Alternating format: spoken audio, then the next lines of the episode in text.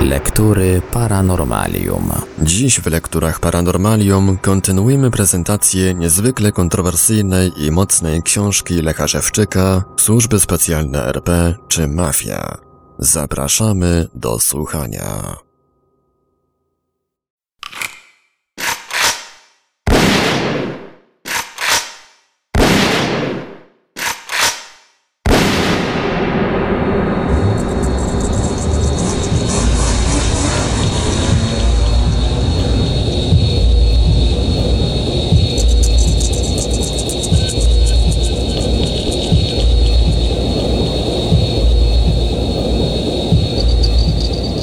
Szkolenia mnie z zakresu posługiwania się bronią prowadzili również tajnie, po wprowadzeniu w hipnozę. Częściowo odbywało się ono w tych samych ośrodkach, w których szkolili oficjalnie kadry, a także w odpowiednio zorganizowanych w tym celu melinach. Smutny to musiał być widok siedmiu-ośmioletniego dziecka oraz innych, niewiele starszych dzieci, szkolonych na złodziei i bandytów. W czasie tego szkolenia uczeń szybko przerósł mistrzów i ci stali się zazdrośni do tego stopnia, że zaczęli mnie niszczyć. Organizowani poniżające mnie sytuacje, powodowali konflikty z innymi dziećmi oraz na różne sposoby postarali się, aby już moje dzieciństwo było pełne kłopotów i udręki. Postępowali też tak, abym w każdej sytuacji był spychany w kąt. Tego rodzaju sztucznie uciążliwe życie organizuje się ludziom szkolonym do niebezpiecznych zadań. Stają się oni przez to zahartowani, nie czuli na dokuczliwości, które mogą ich w przyszłości w czasie wykonywania zadań spotkać. Działania takie muszą jednak być prowadzone przez normalnych ludzi,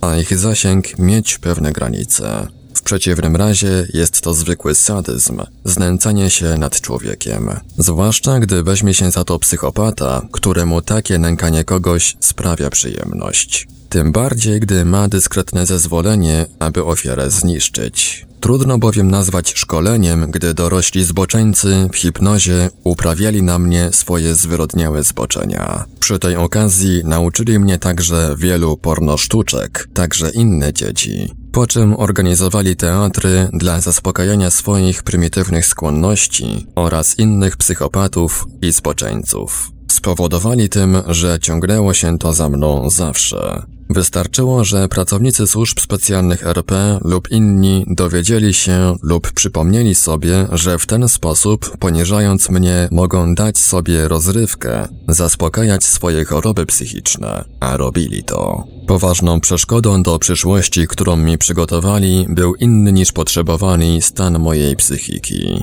Byłem bowiem łagodnego usposobienia, uczuciowy, lubiłem przyrodę, czytać, a więc typowy humanista.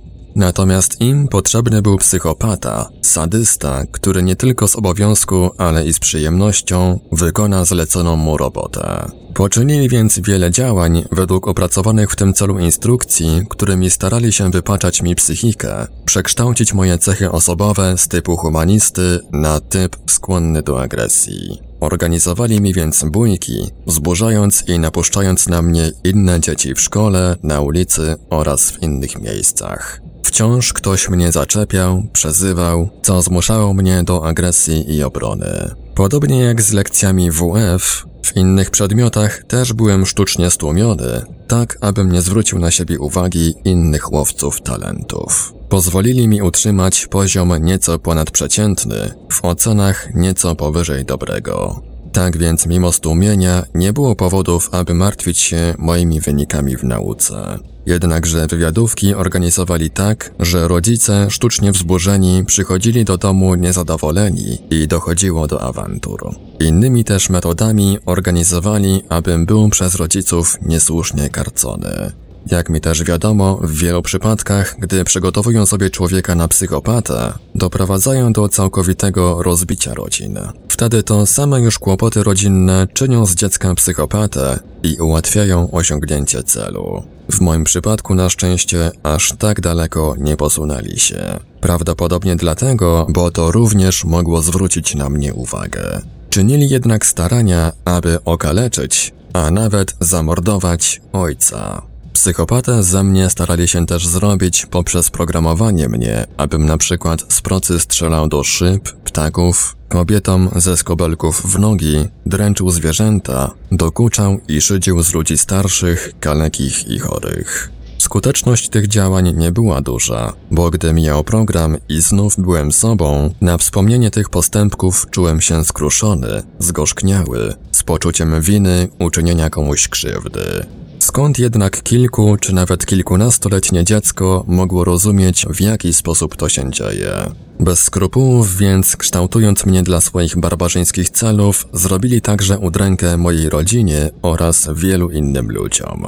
Jeżdżenie bez biletu środkami komunikacji miejskiej też miałem zaprogramowane. Takie bowiem postępowanie kształtowało u mnie zalążki lekceważenia prawa, popełniania przestępstw. Również nawyk pilnowania się, abym nie został złapany w czasie popełniania tego przestępstwa, w tym przypadku przez kontrolera. Także, abym w czasie kontroli biletów umiał uciec, a więc unikać konsekwencji za popełniony czyn.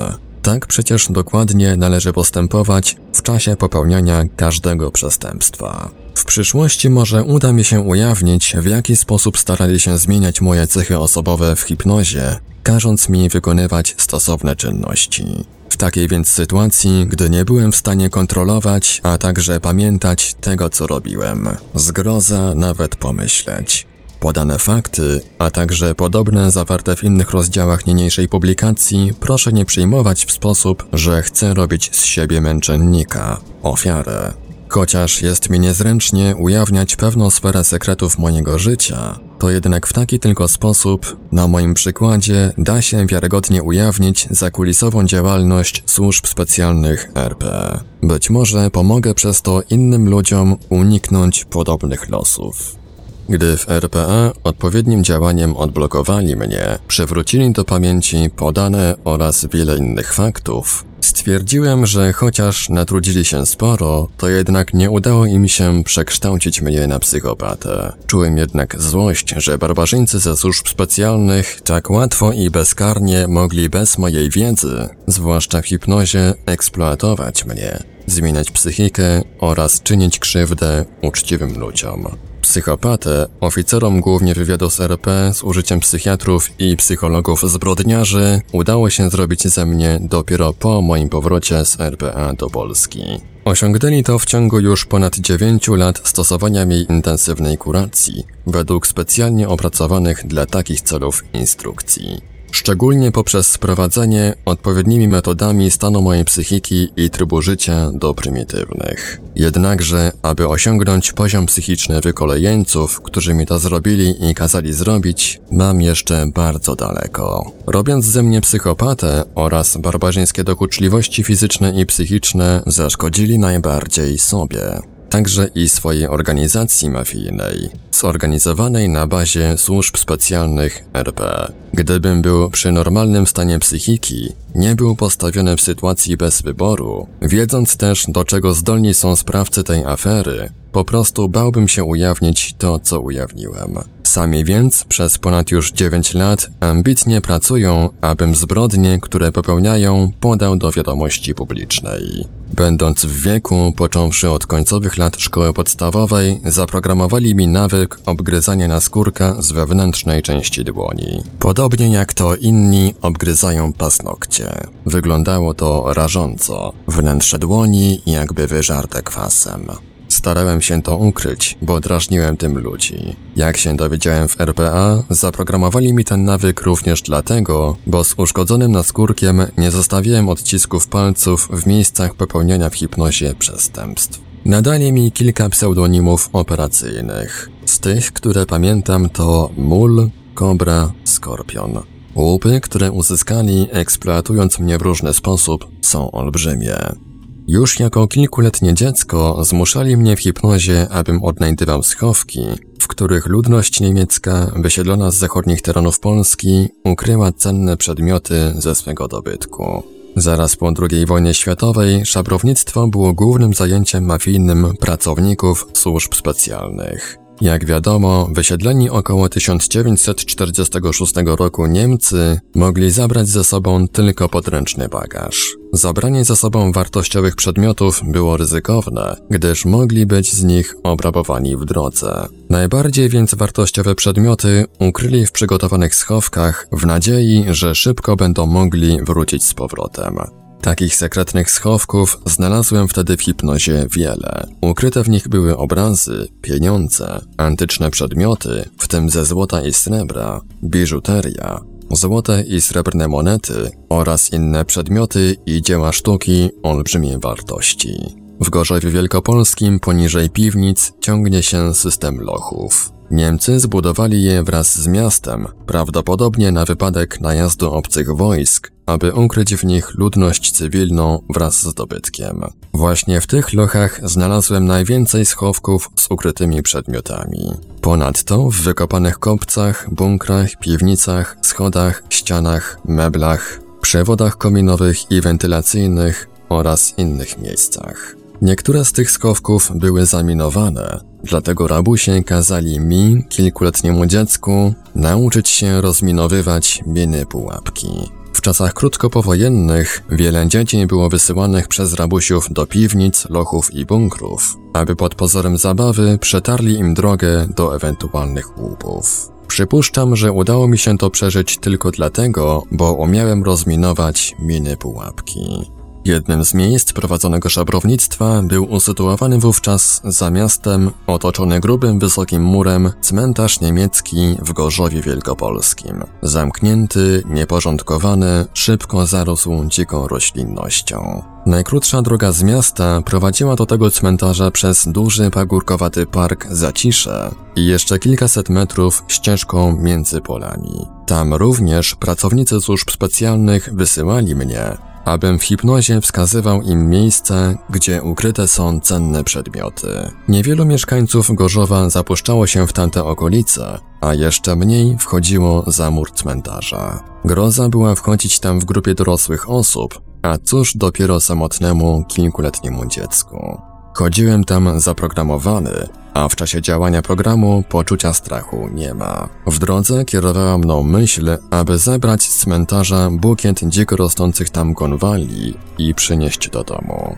W drodze powrotnej jednak, już krótko po wyjściu z cmentarza, doznawałem uczucia strachu i wyrzucałem te konwalie. Manipulowali mną tak dlatego, aby w domu rodzice nie dowiedzieli się po przyniesionych konwaliach, że chodziłem na cmentarz. Brama wjazdowa cmentarza była zawsze zamknięta, ale furtkę ktoś przed moim przyjściem otwierał. Przez kilkanaście minut rzeczywiście chodziłem między zarośniętymi grobami w poszukiwaniu konwali.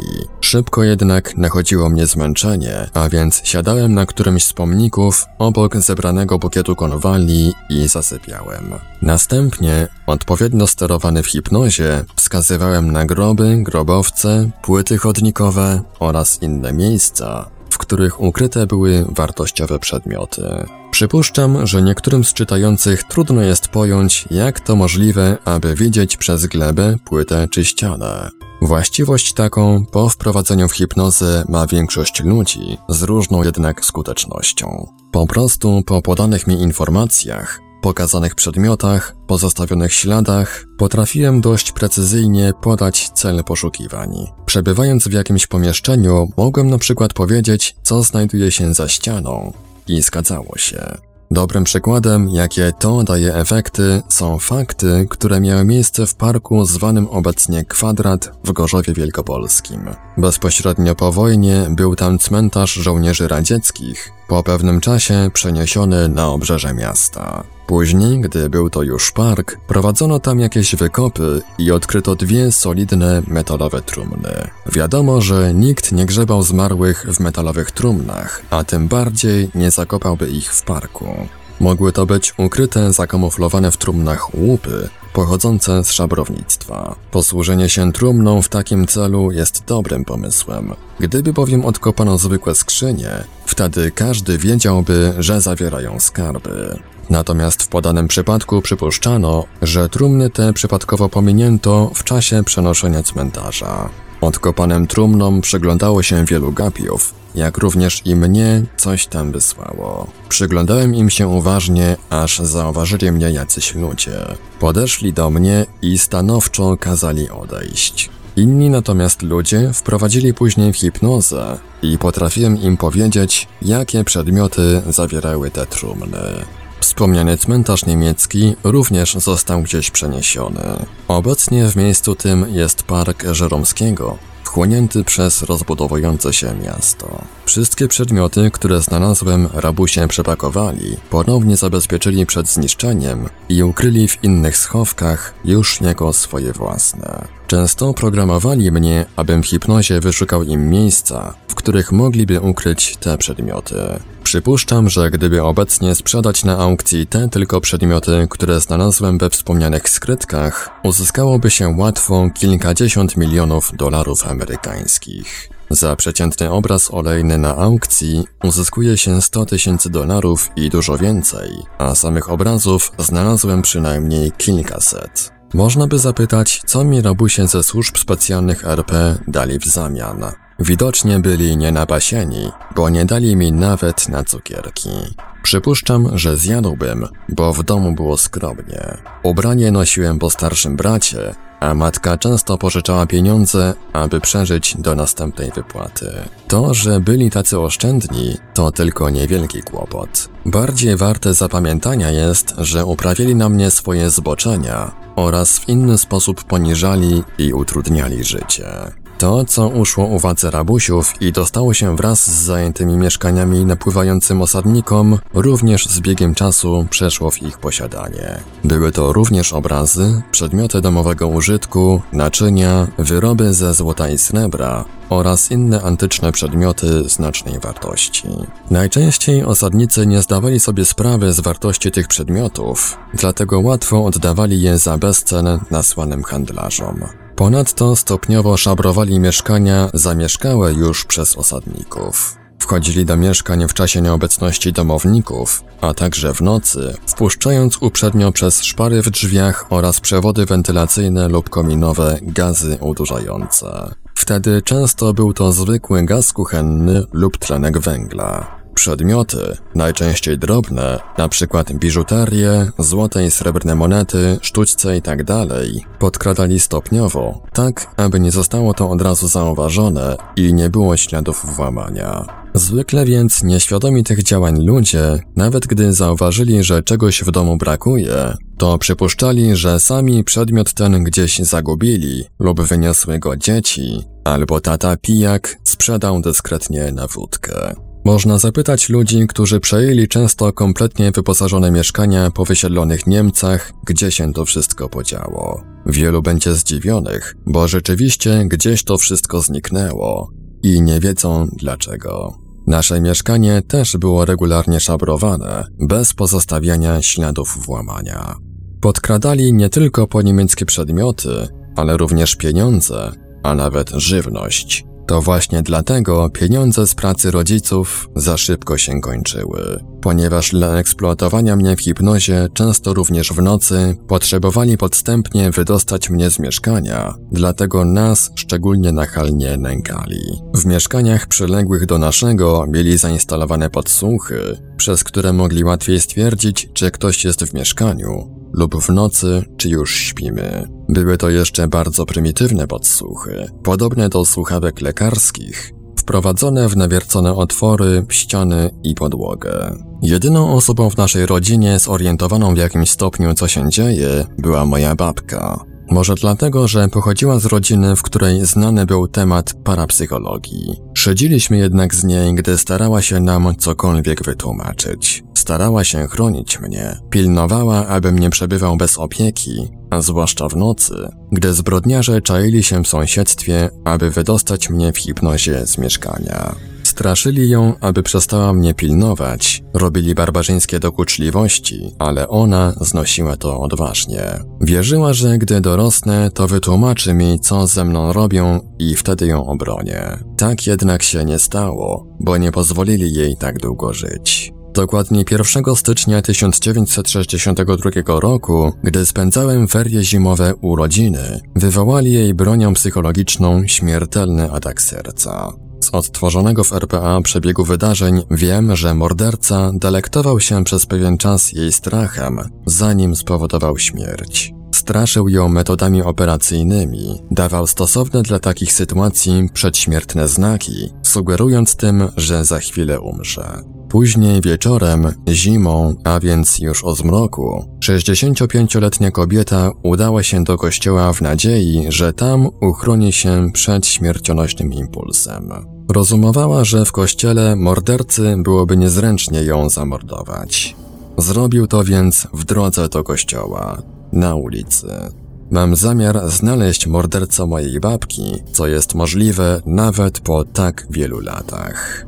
Po szabrownictwie przyszły inne możliwości eksploatowania za mnie olbrzymich łupów. Począwszy od lat wczesnoszkolnych, wciąż intensywnie uczyłem się. Wiele czytałem, przeglądałem się różnym urządzeniom technicznym, majsterkowałem. Uzyskałem przy tym wykształcenie inżyniera mechanika. Niewiele jednak pozwolili mi z wyuczonej wiedzy skorzystać, aby starczyło na skromne utrzymanie. Zawsze też pilnowali, abym nie wyróżnił się czymkolwiek spośród przeciętnych ludzi.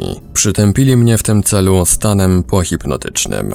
Programowali, abym uczył się, interesował wciąż nową dziedziną wiedzy, bo wtedy efektywniej w hipnozie mogli eksploatować mnie przy opracowaniu wielu prac i wynalazków. Gdy kolejno ujawniały się fakty z mojego życiorysu, trudno mi było uwierzyć, że sprawy te dotyczą mnie. Przypuszczałem, że są to jakieś żarty, bo jak, w ogóle o tym nie wiedząc, mogłem być wplątany w tak wiele przestępczych afer. Trudno też było mi uwierzyć, że to ja potrafiłem wykonać tak wiele wartościowych prac, które pracownicy służb specjalnych RP sprzedali zachodnim firmom i wywiadom. Po pewnym jednak czasie, gdy poznałem wiele innych spraw, gdy wiedziałem już jak łatwo można w hipnozie eksploatować człowieka, i gdy skonfrontowałem tę wiedzę z różnymi faktami z mojego życia, przekonałem się, że jest to prawda. Później wiele innych faktów, które zdarzyły się, potwierdziły w rzeczywisty już sposób całość. Ludzie, którzy prowadzili te badania, wiedzieli już wiele na mój temat, dlatego nie okazali zdziwienia. Chcieli jednak znać wszystkie fakty dokładnie, dlatego moje wypowiedzi w hipnozie, cały mój życiorys, opowiedziany dzień po dniu, noc po nocy, nagrali na taśmę. Prace i wynalazki, które wykonałem w hipnozie, były z dziedziny elektroniki, mechaniki, produkcji narzędzi, obrabiarek, samochodów, artykułów gospodarstwa domowego, a nawet farmaceutyki i chemii. Eksploatowali też mnie przy produkcji filmów i przygotowaniu materiału filmowego. Przeprowadzona analiza zysków, które przyniosły firmom zachodnim eksploatowane za mnie prace, wykazała, że są to sumy pieniędzy rzędu kilkuset milionów dolarów amerykańskich. Szczególnie duże zyski przyniosły wyeksploatowane ze mnie opracowania i wynalazki z dziedziny elektroniki, sprzedane zachodnim firmom i wywiadom. Celem przygotowania mi wiedzy z dziedziny elektroniki, co właśnie jest podstawą uzyskania wysokich efektów w hipnozie, zorganizowali specjalnie dla mnie w OLOK w Gorzowie Wielkopolskim kurs radiowo-telewizyjny. Był to rok 64, a więc gdy jeszcze niewielu ludzi przewidywało, że elektronika stanie się podstawą rozwoju współczesnej cywilizacji. Czasie tym tranzystory dopiero zaczęły zastępować lampy elektronowe i powstawały zalążki systemów telewizji kolorowej. Było więc wiele do zrobienia, a więc i łupów należało spodziewać się wielkich. Wracając któregoś dnia ze szkoły, tajemna siła naprowadziła mnie na słup ogłoszeniowy z plakatem kurs radiowo-telewizyjny. Natychmiast też zaczął działać nałożony mi program i najważniejszym dla mnie celem w życiu stało się ukończenie tego kursu. Miałem tylko wątpliwości, czy uda mi się namówić rodziców, aby dali mi 1200 zł, bo tyle właśnie wynosiła opłata za ten kurs. Suma ta stanowiła przecież miesięczną pensję ojca. Wszystko jednak było przygotowane. Gdy ojciec przyszedł z pracy, również zaprogramowany, w pierwszych słowach zwrócił się do mnie, abym poszedł zapisać się na kurs radiowo-telewizyjny. Rodzicom było trudno wygospodarować tak znaczną sumę z rodzinnego budżetu, dlatego opłatę za kurs uiściłem w trzech ratach. Kurs był zorganizowany w sposób, aby wyglądało to naturalnie. Zadbali, abym nie zorientował się, że chodzi w nim tylko o to, abym poznał podstawy elektroniki. Reszta miała dokonać się w hipnozie, w tym stałe pogłębianie tej wiedzy. W kursie wraz ze mną miało wziąć udział kilkanaście podstawionych osób, bardziej dla towarzystwa, zachowania pozorów, niż dla nauki. Jednakże wywieszony plakat zainteresował kursem też inne osoby, z których część niechętnie, ale przyjęto. Razem było nas ponad 20 osób. Po pewnym czasie, gdy okazało się, że wiedza, którą zdobyłem, była wystarczająca, inicjatorzy tego kursu postanowili go przerwać. Po prostu wykładowcy nie przychodzili na zajęcia, a drzwi budynku LOK były zamknięte. Jednakże wśród kursantów byli też tacy, którzy zapłacili za kurs i chcieli go ukończyć. Również i ja chciałem kontynuować naukę, aby uzyskać obiecane świadectwo. Wtedy przecież mógłbym legalnie naprawiać telewizory i zwrócić rodzicom pieniądze, które za mnie zapłacili. Zrobiła się awantura, łącznie z opisaniem incydentu w lokalnej gazecie. W końcu udało się zakończyć tę zabawę wchowanego i wymusić dokończenie kursu. Gdy w RPA rozważaliśmy ten moment mojego życiorysu, zastanowiło mnie, dlaczego doprowadzili do tej awantury, bo przecież chcieli ten kurs utajnić. Jak się okazało, celem ich było przerwanie kursu i zatuszowanie jego istnienia w ogóle. Wówczas nie miałbym świadectwa jego ukończenia, a więc i dowodu zdobycia wiedzy z zakresu elektroniki. Łatwo wtedy mogliby mnie zastraszyć, abym nielegalnie, bez uprawnień, nie brał się za naprawę telewizorów. Cała sprawa przeszłaby więc w sferę tajemnic. Poradzili sobie w inny sposób, aby ukryć moją wiedzę z zakresu elektroniki. Po prostu zaraz po zakończeniu kursu zaprogramowali mnie, abym przestał interesować się elektroniką. Także nie naprawiłem ani jednego telewizora. To, co przed rozpoczęciem kursu było dla mnie najważniejszym celem życia, po kilku miesiącach, po 420 kursogodzinach pilnej nauki nałożonym programem stało się niewarte uwagi. Za to w hipnozie przez wiele lat wiedza ta wciąż rozwijana, eksploatowana ze mnie przez różnych złodziei, była i wciąż jest dla nich źródłem wielu afer i olbrzymich łupów. Często były to opracowania schematów instalacji, układów i elementów elektronicznych, a także przedmiotów użytkowych. W czasie trwania wspomnianego kursu nauczyli też mnie tajnie alfabetu Morsa oraz obsługi urządzeń nadawczo-odbiorczych. W większości przypadków udało mi się jednak spowodować, że nie zdobyłem dokumentu potwierdzającego zdobycie dodatkowych kwalifikacji. Wtedy nie zwracałem na ten fakt uwagi. Dopiero zrozumiałem znacznie później, jakie to było dla mnie istotne, aby kamuflować zdobywaną przeze mnie wiedzę oraz umiejętności. Przykładem tego jest kurs ratowników wodnych zorganizowany przez WOPR w Gorzowie Wielkopolskim w roku chyba 1966. Gdy przyszedł egzamin, zaprogramowali mnie, że zapomniałem zgłosić się, aby go zdać. Później nie mogłem dociec, jak to mogło się zdarzyć. Zwykle nie było czasu, aby się martwić, bo szybko kierowali mnie do następnych zajęć. Kurs ten był jednym z elementów podstępnego szkolenia mnie.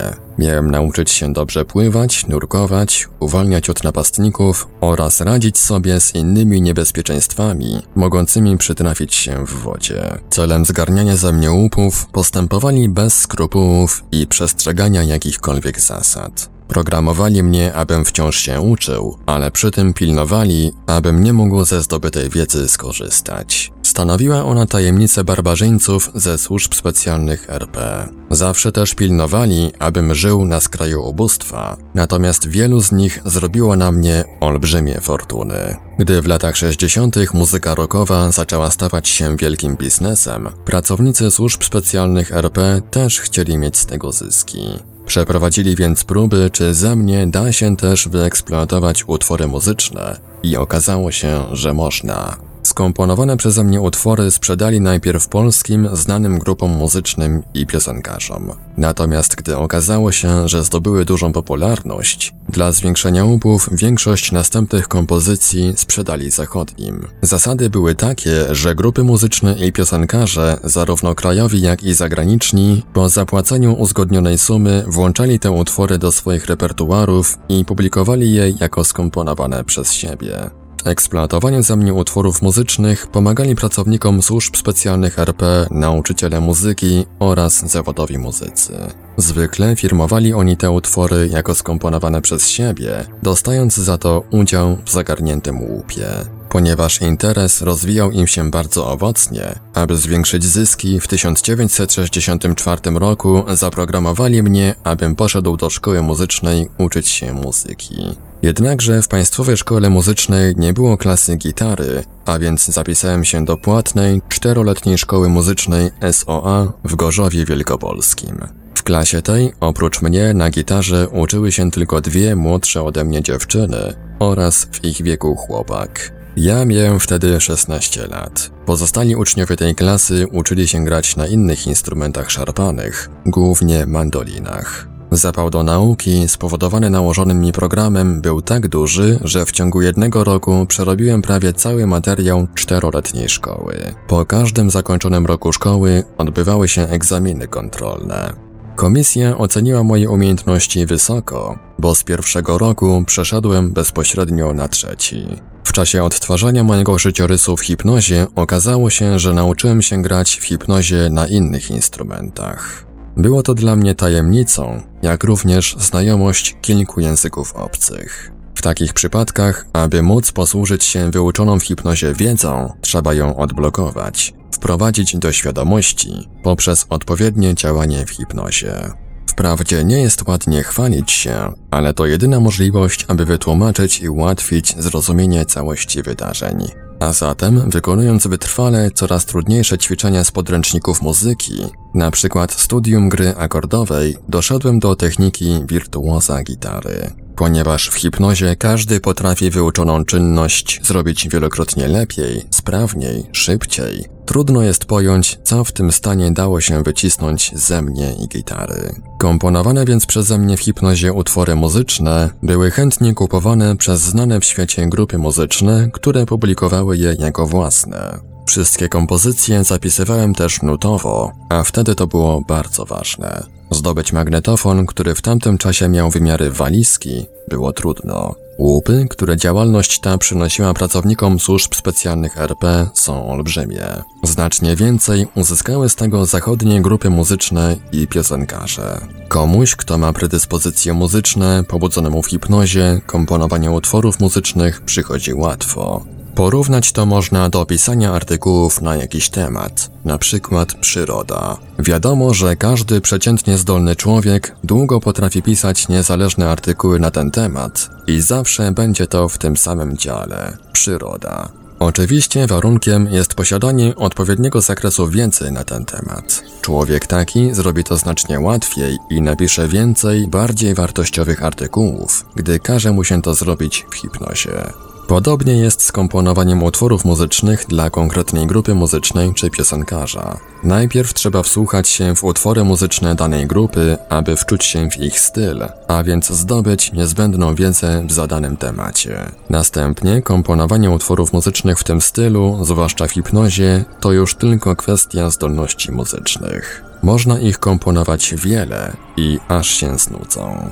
Właśnie we wspomnianej szkole muzycznej bardzo intensywnie eksploatowali mnie przy komponowaniu utworów muzycznych. Robili to z pomocą niektórych nauczycieli muzyki oraz zawodowych muzyków, również z innych rejonów Polski.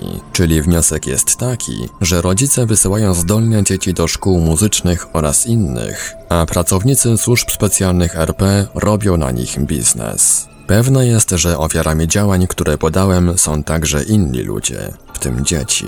Wiele nazwisk sprawców jest mi znanych, zarówno w tej, jak i w innych aferach, ale zdecydowałem, że w niniejszej publikacji ich nie ujawnię. Szkołę tę ukończyłem w 1967 roku, ale w tym przypadku również manipulowali mną, abym już po pierwszym roku zrezygnował. Zapał do uczenia się muzyki minął na korzyść innych zajęć. Jednakże jakiś konflikt interesów sprawił, że pozwolili mi dokończyć naukę i uzyskać świadectwo końcowe.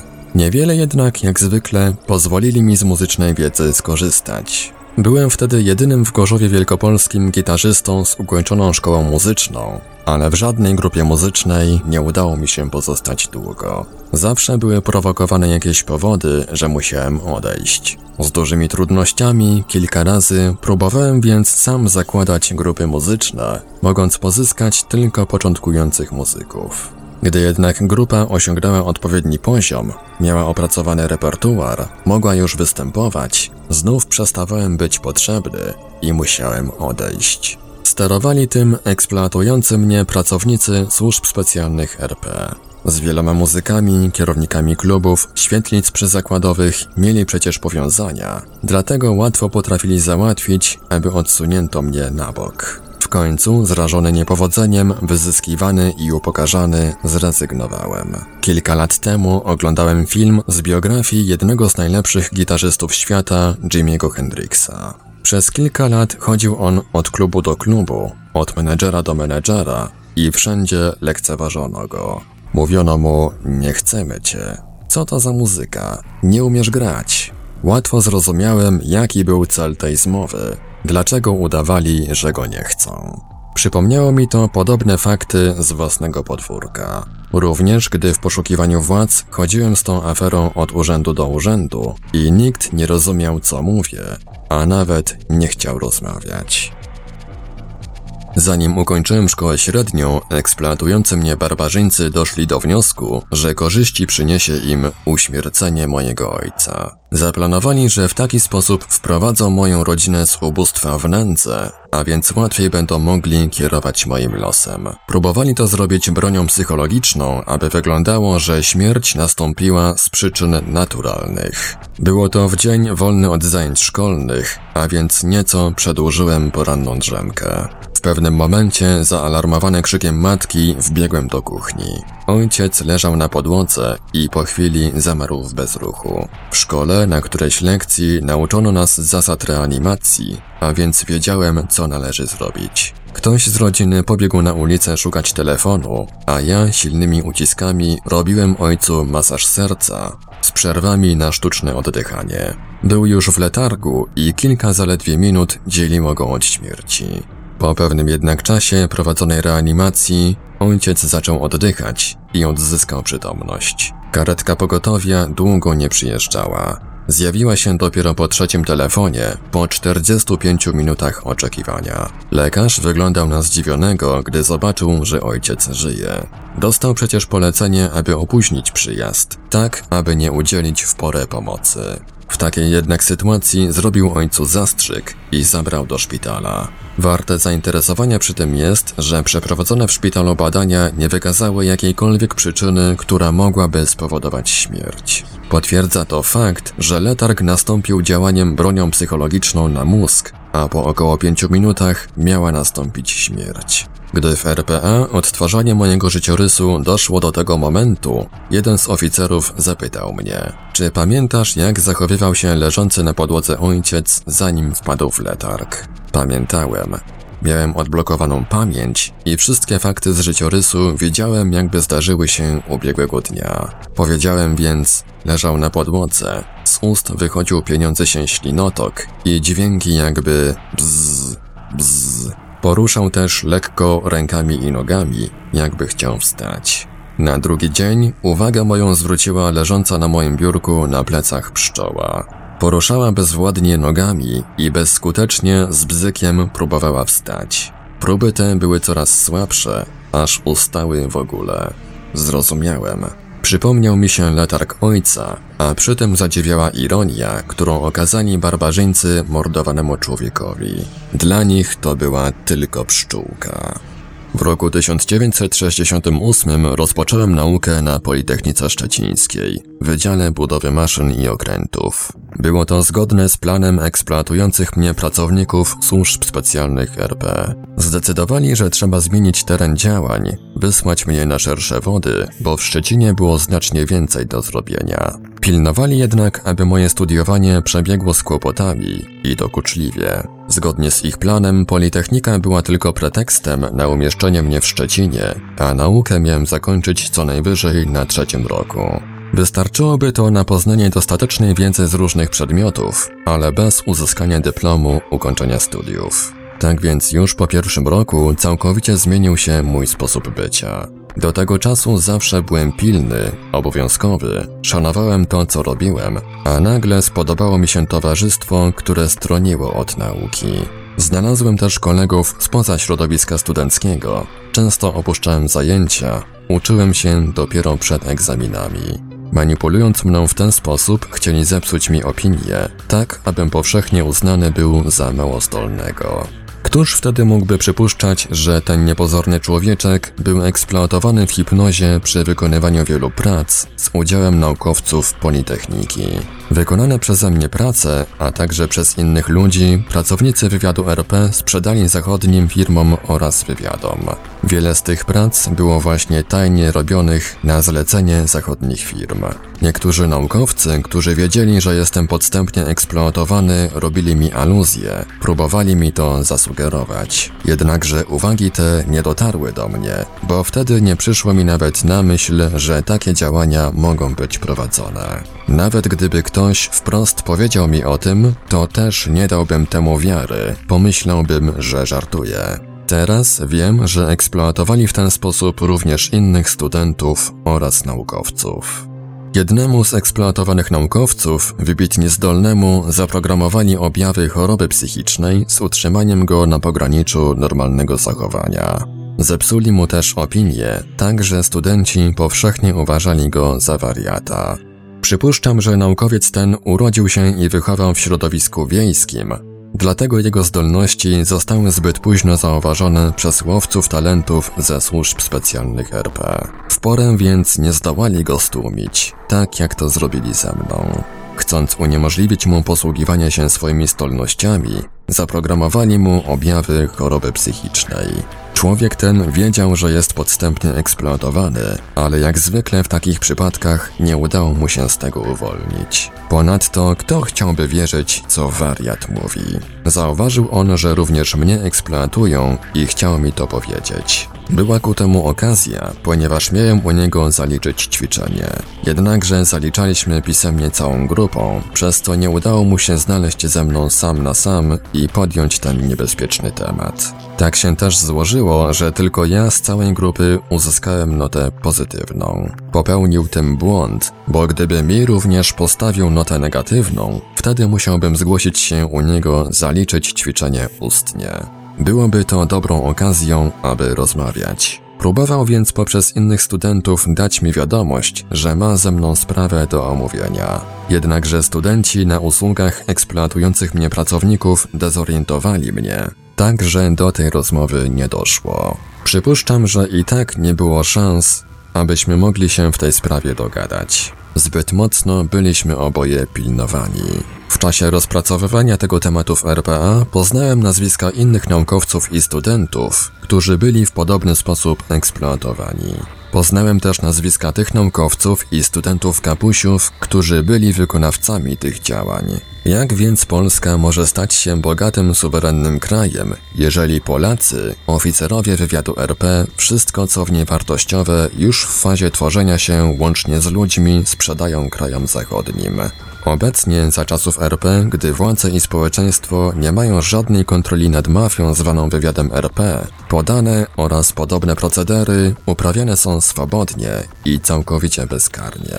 Podział zagarnianym łupem rozwiązuje wszystkie problemy. Jeżeli komuś uda się niepostrzeżenie coś stworzyć i nie daje sobie tego zabrać, to kończy w szpitalu psychiatrycznym pod opieką psychiatrów zbrodniarzy.